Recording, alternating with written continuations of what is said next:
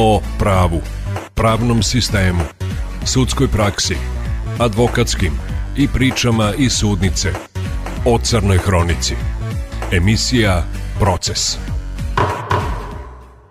Dobar dan poštovani slušaoci, dobrodošli u Proces. Nalazim se kod mog današnjeg sagovornika, mog bivšeg kolege, advokata Nikole Travice. Nikola, dobrodošli i hvala što govorite za proces. Bolje vas našao i dobrodošli vi kod mene u advokatsku kancelariju.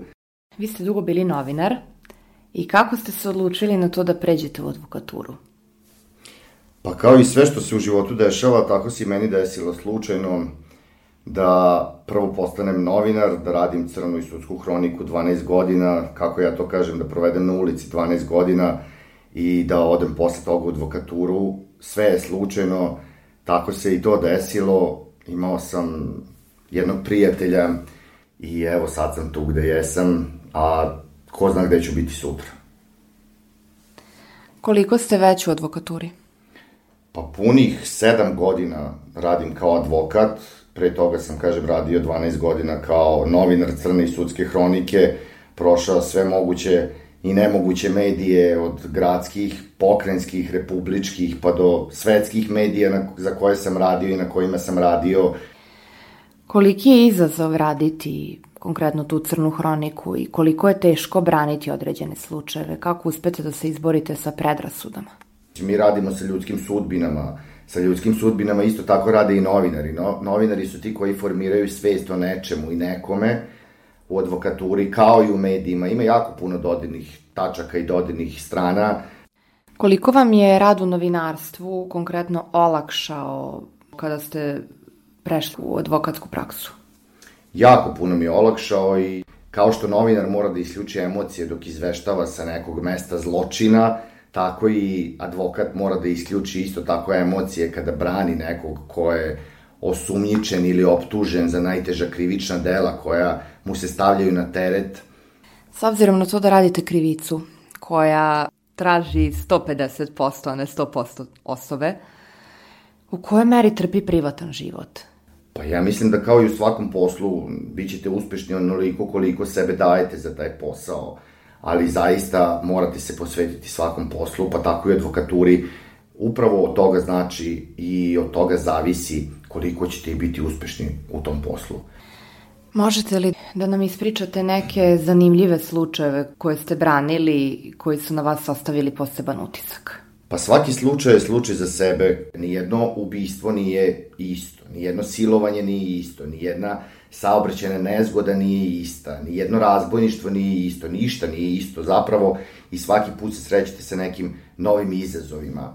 E, branio sam dečka kome su oduzeli nekakve zmije.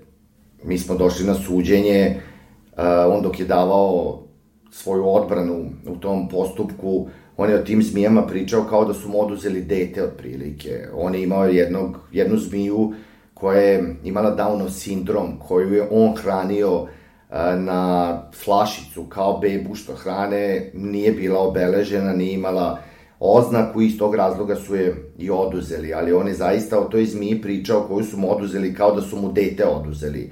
Ljudima kada u porodičnim predmetima oduzmu starateljstvo, mislim da ne budu toliko potrešeni kao što je on bio potrešen oduzimanjem te njegove zmije.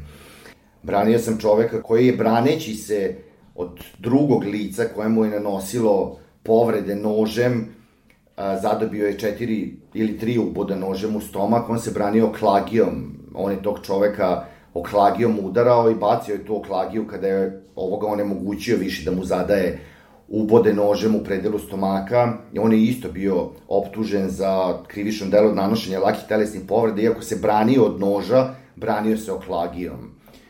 Onda evo pre neki dan sam imao jedan postupak, nije krivični postupak, ali porodični postupak gde su se muž i žena razveli, imali su problem naravno oko starateljstva, oko dece, nisu mogli da se dogovore oko izdržavanja i tome slično. Mi smo izašli iz sudnice, a, u toj sudnici su izgledali kao najveći neprijatelji. Izašli smo iz sudnice, oni su se razveli, a, donete presuda o izdržavanju i starateljstvu, da bi na kraju ja posle dva dana čuo da su se oni pomirili, da su uspostavili super odnose, da nema više nikakvih problema i tako dalje, tako da svašta se dešava, ono što ja kažem zaista, zaista svaki predmet je priča za sebe i svaki predmet je ljudska sudbina. Kao što nema dva ista čoveka na ovom svetu, tako ne postoji ni dva ista predmeta i svaki je zanimljiv ili nezanimljiv do, u dovoljnoj meri o kojoj bi se moglo pričati, o kojoj bi se moglo komentarisati. Hvala vam što ste govorili za Radio Novi Sad. Hvala i vama. Proces.